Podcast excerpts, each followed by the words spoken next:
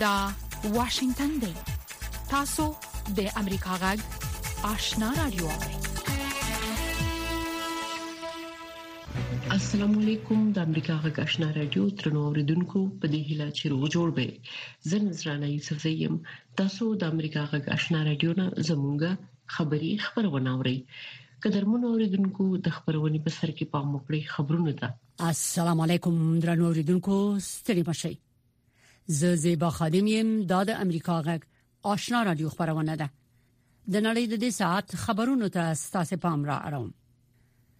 د قطر صدر اعظم او د بارنیو چارو وزیر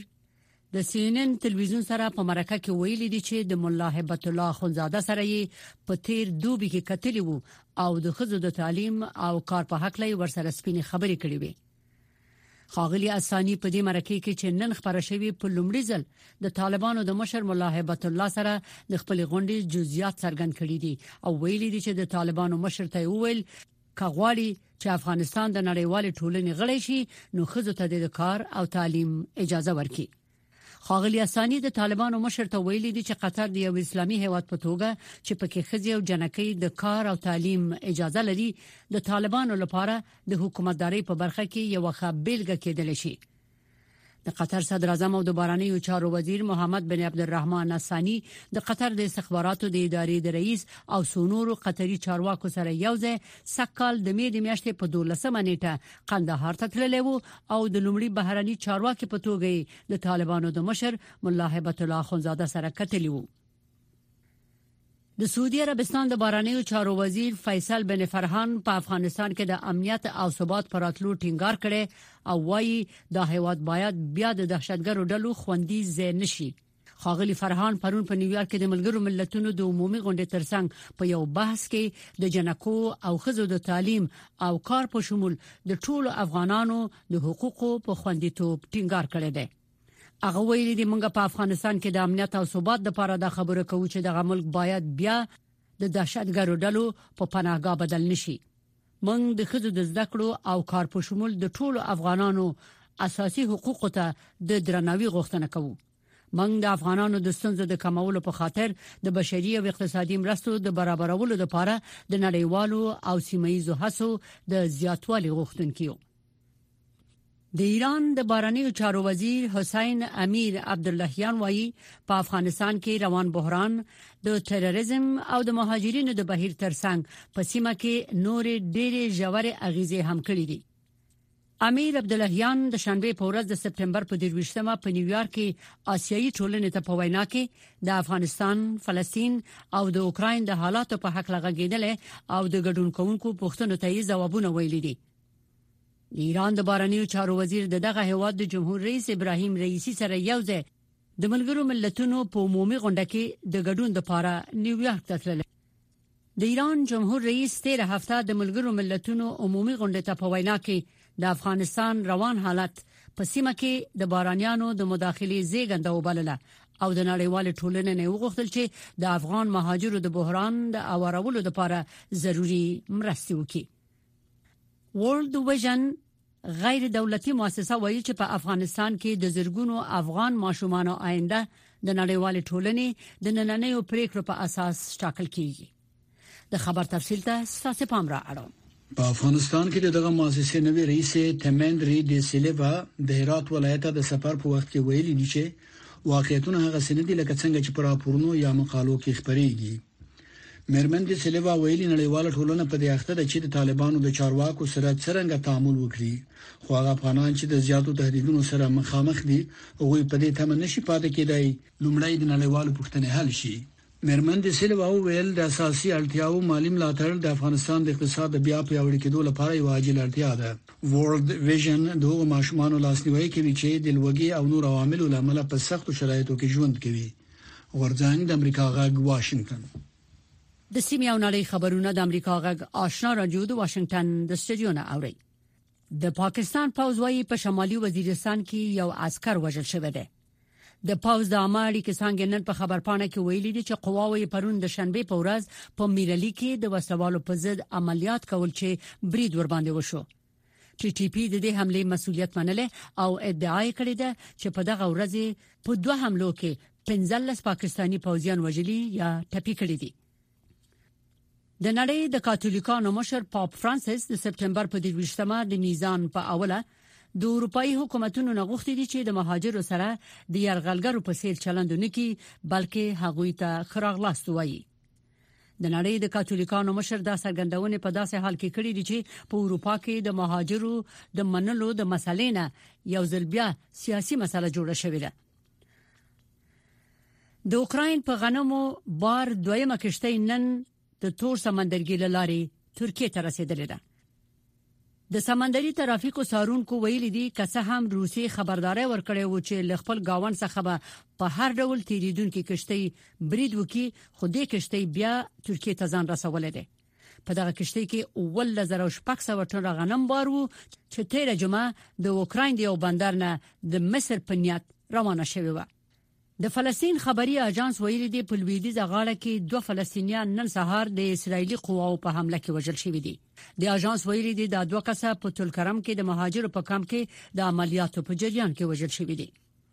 او په متحده ایالاتو کې ډاکټرانو د خوګ زړه چې جینټیکی بڼه یې بدله شوې ده یو انسان ته اچولې دغه 55 کلن ناروغ په نړۍ کې دویم کس شو چې دغه ډول زړه ورته واچول شو په صحي څېړنو کې دغه عملیات یو مهم پرمختګ بلل شوی دی انسانانو ته د حیواناتو د وجود د غړو پیوندول خایي د بنیادمانو د بدن د غړو د کمی ستونزه حل کړي د معلوماتو لمخې یوازې په متحده ایالاتو کې د سل زرو نه زیات ناروغان په دې تمه دي چې د نورو انسانانو غړي ورته پیوند شي زیبا خادم امریکا غږ واشنگتن د امریکا غږشنا رادیو درنو اوریدونکو تاسو خبرونه واوریدل پام وکړئ زموږه د خبرونې لومړی رپورت ده د قطر صدر اعظم شیخ محمد بن عبدالرحمن ال ثاني د سي ان ان ټلویزیون سره په تازه مرکه کې ویلي چې افغانستان ته په خپل روسي سفر کې د طالبانو مشر مولا هبت الله اخوندزاده ته پخکاره ویلي چې د افغانستان نړیوال مشروعیت د خزو او جنوب تعلیم او کار پورې تړلې دی د قطر صدر اعظم ویلي طالبانو دی واضح ویلي چې باید د نړۍ سره همکاري وکړي نور تفصيل په دې رپورت کې اورئ د قطر صدر اعظم د روان میلادي کال د می میاشتې په 12مه نیټه افغانستان ته سفر وکړ او په کندهار کې د طالبانو لمشر مولا هبت الله خنزاده سره ولیدل خو د دې غونډې ډیر جزئیات خبره نشول اوس شیخ محمد بن عبدالرحمن ال ثاني له سي ان ان سره په خپل تازه مرکه کې ویلي چې له هبت الله سره د افغانو میرمنو د تعلیم او کار په اړه سپینې خبرې کړې دي موږ د کندهار په باسونو کې خورا څرګند دریځ درلود که تاسو غواړئ چې د نړیوال ټولنې برخه ووسئ نو باید زموږ سره همکاري وکړئ د دې لپاره چې تاسو هوا د قطر په شان یو ماډل مسلمان هواد شي نو په کار ده چې تاسو زموږ سره یو ځای کار وکړئ خو طالبانو له دې غونډې وروسته نه یوازې پر ښځو محدودیتونه کم نه کړل، بلکې د هغوی سینګارتونونه یې وتړل او کابو شپېته زره مېرمنې له کار څخه منع کړې. د امریکا په شمول د نړۍ ډېری هېوادونه دا په ښکاره وایي چې که طالبان مشروعیت غواړي، نو مېرمنو او نجونو ته دې د کار او زده کړو زمینه مساعده کړي. د اندونیزیا د بهرنیو چارو وزیرې هم د ملګرو ملتونو په غونډه کې د افغانانو څخه ملاتړ څرګند کړ او نجونو ته د زده کړو په حق ټینګار وکړ. په افغانستان کې اندونیزیا به ډیره هڅه وکړي چې افغانانو سره مرسته وکړي او ډاډ رامنځته کړي چې د تعلیم د حق په ګډون د میرمنو او جنو حقونو ته درناوی شوی دی خو د چارو یو شمېر شنونکي وایي طالبان به د میرمنو د حقونو په اړه هیڅ وخت هم د بهرنیو فشارونه ونه مني زما خپله عقیده دا ده چې طالبان به هیڅکله خارجانو ته غوږ ونه نیسي او نه به هم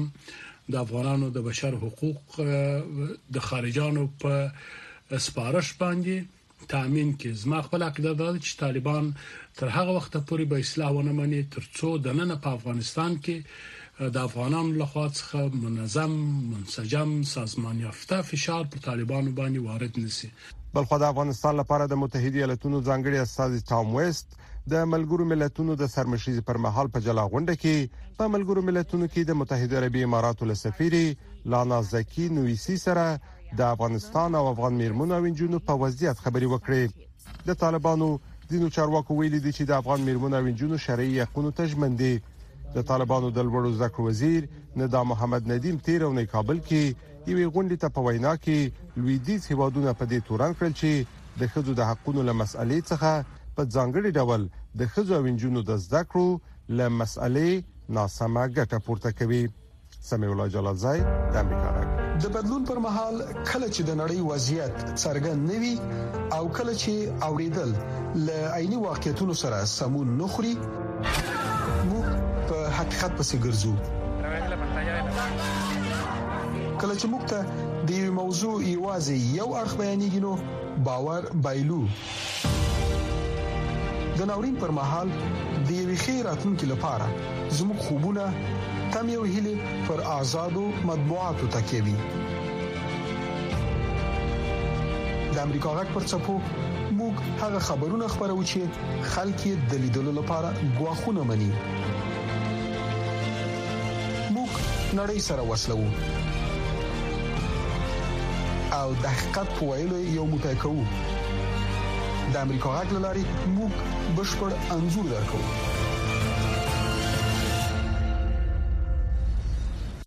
تر شپږم ټولګي پورته د جنو په مخ د ښوونځیو تر بندیدو وروسته ځینې خزینه ښوونکي په خپل لګښت زپلو زده کوونکو ته تدریس ورکوي شمساریان رپورټ را لګلې په افغانستان کې د طالبانو له لوري تر شپږم ټولګي پورته د نجونو پر ښوونځیو بندیز تر دوو کلونو واوښت خو ښوونکي او زده کوونکي د درسونو ترڅنګ یو د بل د لیدو په ارمان هم د ناهیلۍ شپې سبا کوي لیدا د مکتب ښوونکې وه، چې د مکتبونو تر بندېدو وروسته یې اوس په خپل شخصي لګښت تر شپږم ټولګي پورته ښځینه زده کوونکو ته یو ښوونیز مرکز ایجاد کړی دی. لیدا وايي، موخه یې دا ده چې د زده کوونکی تېر درسونه هېر نه شي. قبل از می حکومت امارت در افغانستان در می مکاتب درس می دادم مگم در حال حاضر باز هم در یک مراکز آموزشی را ایجاد کردیم که همی شاگردان که از مکتب باز ماندند به یار ما تدریس می کنیم که دخترای می باشن که از مکتب باز ماندن یعنی بالاتر از صنف شش دمی جا هستن که دمی محیط ما همه آنها را جمعوری کردیم تا می درسای را که می خواندن و یاد می گرفتن اما از یادشان نره ما از می کوشش کردیم اغلی لیدا د خپل زده کوونکو د لوی ارمانونو خبره هم کوي دا وایي چې هر سهار به مو د لوی مخ لپاره ورځ را پیلول چې اوس پر هغو امیدونو خاورې انبار دي یه بزرگترین آرزوی همه همه ما بود به خاطر که ما درس خوانده بودیم زحمت کشیده بودیم میخواستیم که مثل ما همچون نفرایی باشه که جامعه ما را تغییر بتن درس بخوانن زحمت بکشن دکتر شون معلم شون و یا هر دمی هر بخش را که دوست دارن پیش برن و همی که هر صبح ما از میخواب بیدار میشیم بعد از اینکه نماز و کار را میکنیم اولین برنامه ما همی بود که باید از بریم به طرف مکتب و یک دنیا امید میرفتیم طرف مکتب خو د میرمنو پر مخ د زده کړو دا بند بهیر یوازې د ښوونکو تر ارمانونو محدود نه دی د ښوونځیو زده کوونکي هم د خپلو همصنفیانو معلمینو او لوی مخ په ارمان د حسرت اوښکې تویوي دا زده کوونکي له طالبانو غواړي چې هر څومره ژر کیږي د دوی پر مخ د ښوونځیو دروازې پرانیزي که آرزوی تمام دخترای افغان بود که در آینده یک فرد خوب برای کشور خود خانواده خود و مردم خود شوه یک دکتر یک انجینر و یک معلم خوب شوند و از وقتی که دروازه های مکتب بسته شده تمام دخترها امید خود را از دست دادن که ما نمیتونیم دیگه درس بخوانیم بله ما بسیار احساس بد داریم وقتی که در مکتب بودیم با دخترها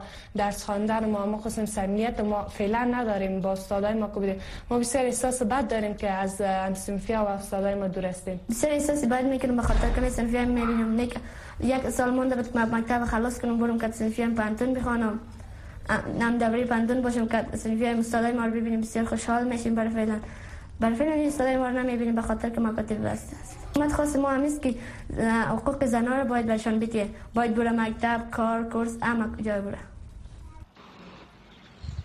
خو بل لور ته د پوهنتون استاد او شنونکی جاوید مومند وایې چې د نجونو پر مخ د ښوونځیو بندیدل چې تر دوه کلونو یې زیات وخت ونیوی د نورو اړخونو ورهاخوا په سیاسي مسئله بدله شوې ده. ډیر زیات دوام وکړ چې دا دوام د دې لامل شو چې نور ډیر ستونزې له ځان سره وزېږولې نو دا لازم او ضرور و چې باید د دوه کال په لړ کې نصاب هم جوړ شوی او کله نصاب ستونزې خو زه فکر کوم یو سیاسي مسایل او فکری اختلافات دي تر دوو کالو زیات وسول چې طالبانو په افغانستان کې تر شپږم ټولګي پورته د نجونو پر مخ د ښوونځیو دروازې تړلې دي د شنونکو په باور چې د ښوونځیو تړل د بشري حقونو د نقص پر هاخوا به د ښځینه طبقې احتیاج څو برابره زیات کړي شمساریان امریکا غږ امریکا یو له هغو هیوادونو څخه چې د نړۍ له ګوټ ګوټ څخه د بیلابیلو کلتورونو، دودونو، ملیتونو او ارزښتونو کوربه دی. په امریکا کې ژوند او دلته مهاجرت کول لکه د نورو هیوادونو په څیر خپلې ښېګڼې او سختۍ لري ځینې خلک په خپل هڅو او له فرصتونو نه په ګټې اخیستو خپل هیلو ته رسیږي خو ځینې نور بیا له ستونزو سره مخ کیږي ژوند په امریکا کې هر جمعه د افغانستان په وخت د مازیګر له شپږو نه تر شپږ نیمو بجو او د ختیځ امریکا په وخت د سهار له نه نیمو تر لسو بجو امریکا د سولې د نړیوالې ورځې په مناسبت د سولې او امنیت په ټینګولو کې د ښځو د ونډې د انسجام او قوت موندلو لپاره یوې نوې طرح وړاندې کړې ده د سولې نړیواله ورځ د سولې د ارمانونو د پیاوړتیا اوربند او همدا شان تاوتریخوالي ته د نه ویلو په هدف اعلان کړ مګر دغه سازمان زیاته کړې ده چې ریښتینی سولې ته رسیدل یوازې په ځمکه د وسلو یې خودل نه دي بلکې داسې وی ټولنې ته اړتیا ده چې ټول غړي احساس ولري وده وکړي شي او په دې کې د داسې چاپیریال جوړول یا رامنځته کول شامل دي چې خلک د نژادي توپیر نه پرته د مساویانه چلند نه برخمن شي په بحران کې په خزو جنسي تیرای او تشدد ادامه لري او تیرې کوونکې مسؤل دي سوله راوستون کې خزي زکه د انتقام سره مخ کیږي چې ظلم افشا کوي ریښتینی مثالونه د نړۍ په شاوخوا کې په افغانستان کې وینو هلته خزه په زور په ټولنه کې منځوي کړي شوې دي او زیاتره دغه حالت نژادي تبعیض بولی دا ښکاری چې په سودان کې د خزو او جنکو جړه او فریاد سره د دې چې په خزو ظلمونه او د هغوی کړهونه ادامه لري څوک نه اوري د رومانیې خارجه وزیر د رهبریت په مقامونو کې د خزو په ونډې او د تصمیم ګیری په چارو کې د نارینه و سره د خزو په مساویانه او مانادار ونډې ټینګار وکړ. نو دغه بهیر د بیرته راګرځولو لپاره د خزو او نارینه و تر منځ د جنسیت په اساس مساوات او شمولیت اساسي او بنیادي مسله ده. همدغه چې د تلپاتې راتلونکې لپاره د ماشومانو او ځوانانو تعلیم ډیر مهم دی، همدغه راز د امنیتي مؤسساتو په شمول په مختلفو سکتورونو کې د لویانو او مسلکي خلکو تعلیم هم ډیر زیات مهم دی د امریکا د متحده ایالاتو خارجه وزیر انټونی بلینکن د خزو او جنکو د شمولیت لپاره د نړیوال مبارزې د پیاوړتیا لپاره یوه نوې طرحه اعلان کړه. یو کار چې مونږ د دې لپاره وکړو هغه د ښځو، سولې او امنیتي مرکزونو ملاتړ دی چې د حکومتونو د چارواکو او د مدني چارو د مبارزینو ترمنځ ارتباطات ټینګوي او په دې وسیله په سولې او امنیتي پالیسیو کې د ښځو د شمولیت په برخه کې د هغوی سره مرسته کوي. ښاغلي بلینکن زیاته کړه چې د امریکا د متحده ایالاتو حکومت به همدغه راز په همدې مني کې د ښځو، سولې او د امنیت په هکله د ملي اقدام او عمل نهايي پلان خپور کړي. دا طرحه ښيي چې موږ څنګه په راتلونکو کلونو کې په خپلو ډیپلوماټیکو، دفاعي او انکشافي پالیسیو کې د ښځو او جینکو نظریات شاملولی شو. په څه کم یوه میاشت کې به د ښځو، سولې او د امنیت د وضعیت په هکله کلنی راپور د ملګرو ملتونو د امنیت شورا ته وړاندې شي په دې راپور کې به هم د سولې د راوستو په هڅو کې د خزو د ګډون د پراخولو اړتیا واضح شي او د عملي کېدو لپاره به تجویزونه او پیشنهادونه وړاندې شي زیبا خادم امریکا غږ واشنگټن طالبانو د افغانستان له دننه د امریکا غږ راډیو خبرونه درولې دي خو امریکا غږ په پوره شمنتیا خپل افغان اوریدونکو ته په پښتو او دری ژبه د کاره باوري او هر اړخیزو خبرونو په خبرولو د افغانستان له بهره په 902 کیلو هرتز منځنوي سپو خپل خبرونه ته دوام ورکړي د دې ترڅنګ تاسو کولی شئ چې زموږ پښتو خبرونه په لاندو سپو هم واورئ پښتو سهارنې خبری خبرونه پر وزارت 290.0 سپو اوریدل شي ما خبرنې پښتو خبرونه په 2040.0 2015.0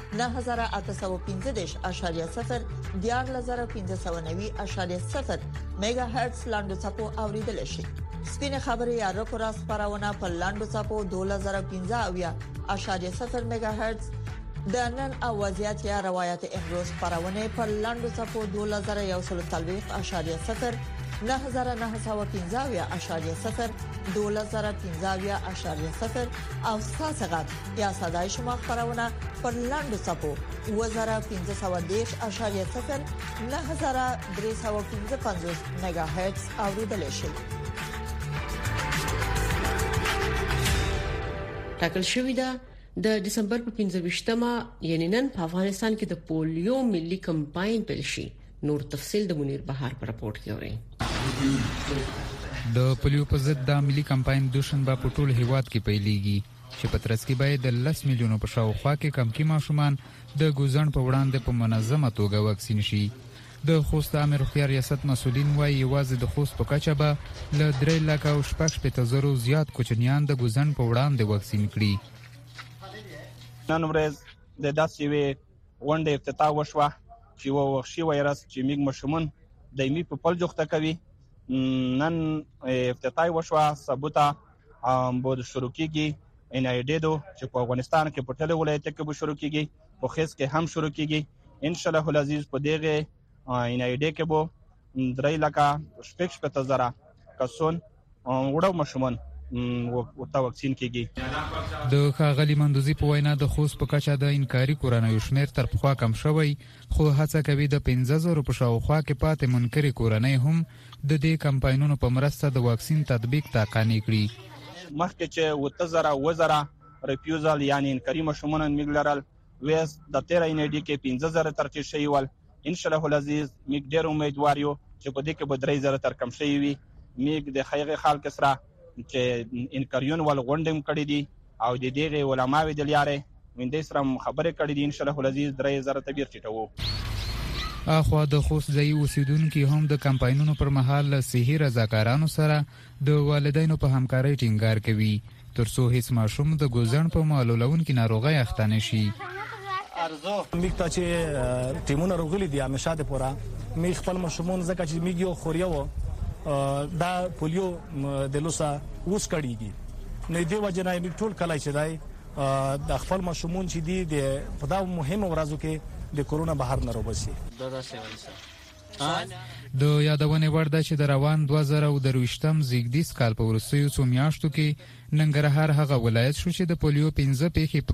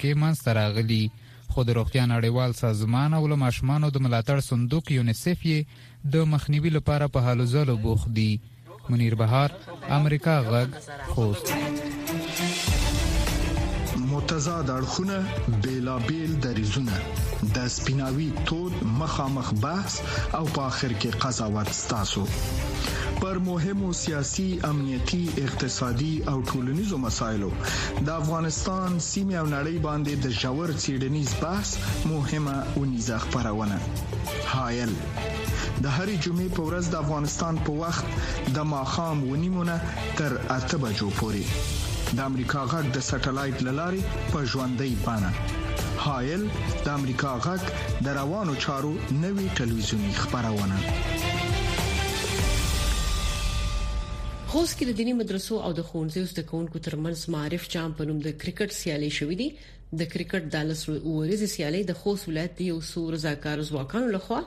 د خوست په ونی ریاست او د کرکټ بورډ د ولایتي ادارې په چوکاټ کې تنظیم شوې دي نور حال په دې رپورت کې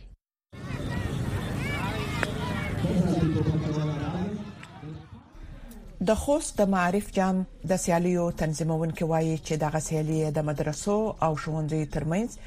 د فاصلو د لمنځه وړلو او په ورته وخت کې ځوانانو ته د سالمې بوختیا رامنځته کولو په هدف جوړ کړی وي تقریبا د غلیک چې موږ پای کړ په د غلیک کې زموږ سره تر 28 شاوخوا لوډلو ګډون کړی وو ولې په دې کې زموږ سره یو نو وخت او ابتکار هم دغه و چې په دې کې نه واځي مکاتب بلکې مدارس هم شامل وو چې تقریبا د شاوخوا اتو پورې لس پورې لوبډلې هغه د مدارس او همدا شند غ نور لوبډلې د مقاخصي مکاتب او همدا شند دولتي مکاتب لوبډلې شاملې وي ولې دغه لوب څخه هدف زموږ هم دغه وو ترڅو د مدارس او مکاتب ترمنځ هغه د زکونکو ترمنځ مینا یواله او اتفاق رامنځ کړو همدا شند د دوی ترمنځ یو ساتیرای او یو هغه څه برابر کړو چې دوی تفریل عامل شي لوبې خو ډېرې مهمې وي زموږ او د په خاصه توګه د هغه لسي ترمنځ ځکه چې دغه یو شان لوبې زموږ ترمنځ همغږي او اتفاق او داسې نور پیژنګلوي کې ډېرې مهمې اړیکې رامنځته کولی شي دا چې دغه لوبې لا ګټورې دي د مکتبونو مدارسو خصوصي دولتي مکاتبو ترمنځ چې مینا محبت زیاتېږي ډېر خوښ یو د مریض د مسولینو څخه چې داسې ټورنمنټونه په لار اچول دي موږ د دې نه غواړو چې په راتلونکي کې دغه الو بلا فلا راوچوي د خوست د بدني روزنې امیر عطاولا کډوال وایي چې د کرکټ برسره د سپورت په نورو رشتو کې هم د مدرسو د طالبانو او د ښوونځیو د زده کوونکو ترمنځ دا ډول سیالي جوړ کړي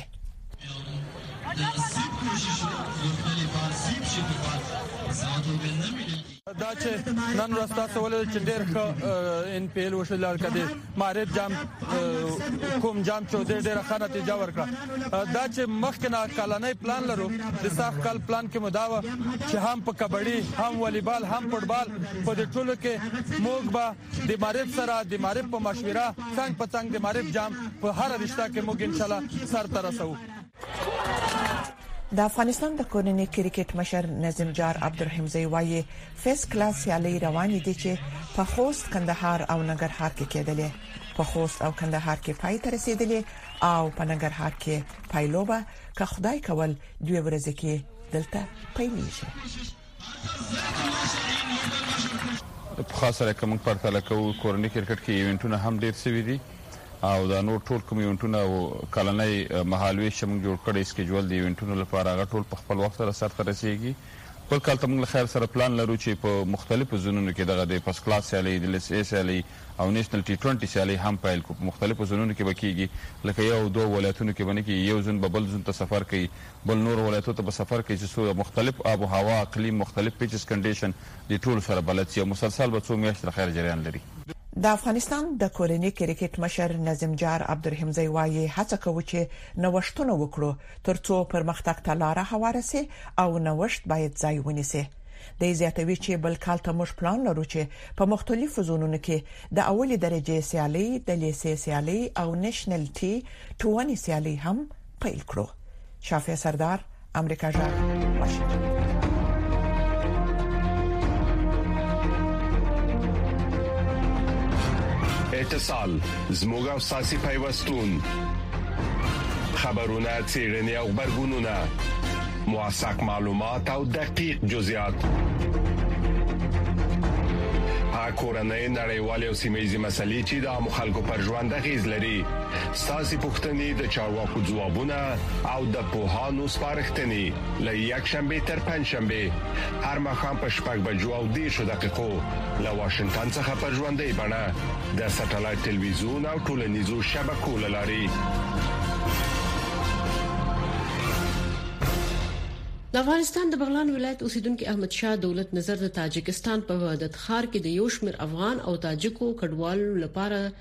د وسیکې دروزنې کورسونه جوړ کړي دي نور تفصيل په دې رپورت کې اورئ دا افغان انجونې چې ل خپل ټاټوبي د بیلابیلو لاملونو په سبب پیښور ته کډه شوی په پامیر ښوونیز مرکز کې د دوو میاشتو راځي په وړیا توګه د کمپیوټر، خیاطي او سنگار زده کړه کوي. افغان انجونې وای دا هنرونه ورته د ګټې وټې لار جوړېدلی شي. مدت یک نیم سال شده آمدیم پاکستان به خاطر که بعد از دولت سقوط دولت افغانستان آمدیم به خاطر امکانات درس و تعلیم هیچ چیز نبود مجبور شدیم که آمدیم پاکستان و در اینجا که آمدم کمتر و چیز خیلی چیزا رو یاد گرفتم و به خاطر ماجرا خیلی برنامه خوب است که مثلا ماجرا میتونه کمپیوتر اگر دیجا یاد بگیرن میتونن از خود کورس باز کنن میتونن در هر جایی از طریق زمین کار کردن میتونن په دې ټولګي کې د افغان ښوونکي د ورځې په دویمه برخه کې انجونو او مرمنو ته سنگار ورزده کوي وای انجونې هنر او کار زده کولو ته لیواله دي یک سال میشه که جی آمدم استاد برش باستم پار سالم تقریبا 55 دخترا بود کلگی درس خواند حالی کلگی شکر سر کار است کار میکنم علاقه داره از این خاطر که کلگی افغان است مشکل داره خانه کارایشان است درس می خوانه از مجبوریت می خواهی که یک هنر یاد بگیره ډیری بیا د خیاطۍ صنفونه اخلي بې وزلي دومره ده چې دغه میرمنې ښکاره او په پټه د ژوند فریاد کولو سره په خپلو کورونو کې د خیاطۍ د ماشین د نه درلودلو څخه سر ټکوي دلته راغلی یم، ما ښه زده کړی دی کالي ګنډل هر څه، خو دومره مشکل لرم کور کې چې ما سره دا ماشین نشته چې زه خپل ضرورت پوره کړم. چا د وسه کېږي ما سره مرسته وکړي او زما سره کومک وکړي چې مخکې ځه مخکې لاړ شم ماشومان لپاره خپل کور لپاره خپل هغه لپاره څه هغه کړم. د دې مرکز مشر چې خپل هم افغان دی وایي دا پروژه یې په دویم ځل پیل کړې او موخه یې د افغانو میرمنو او انجونو سره مرسته ده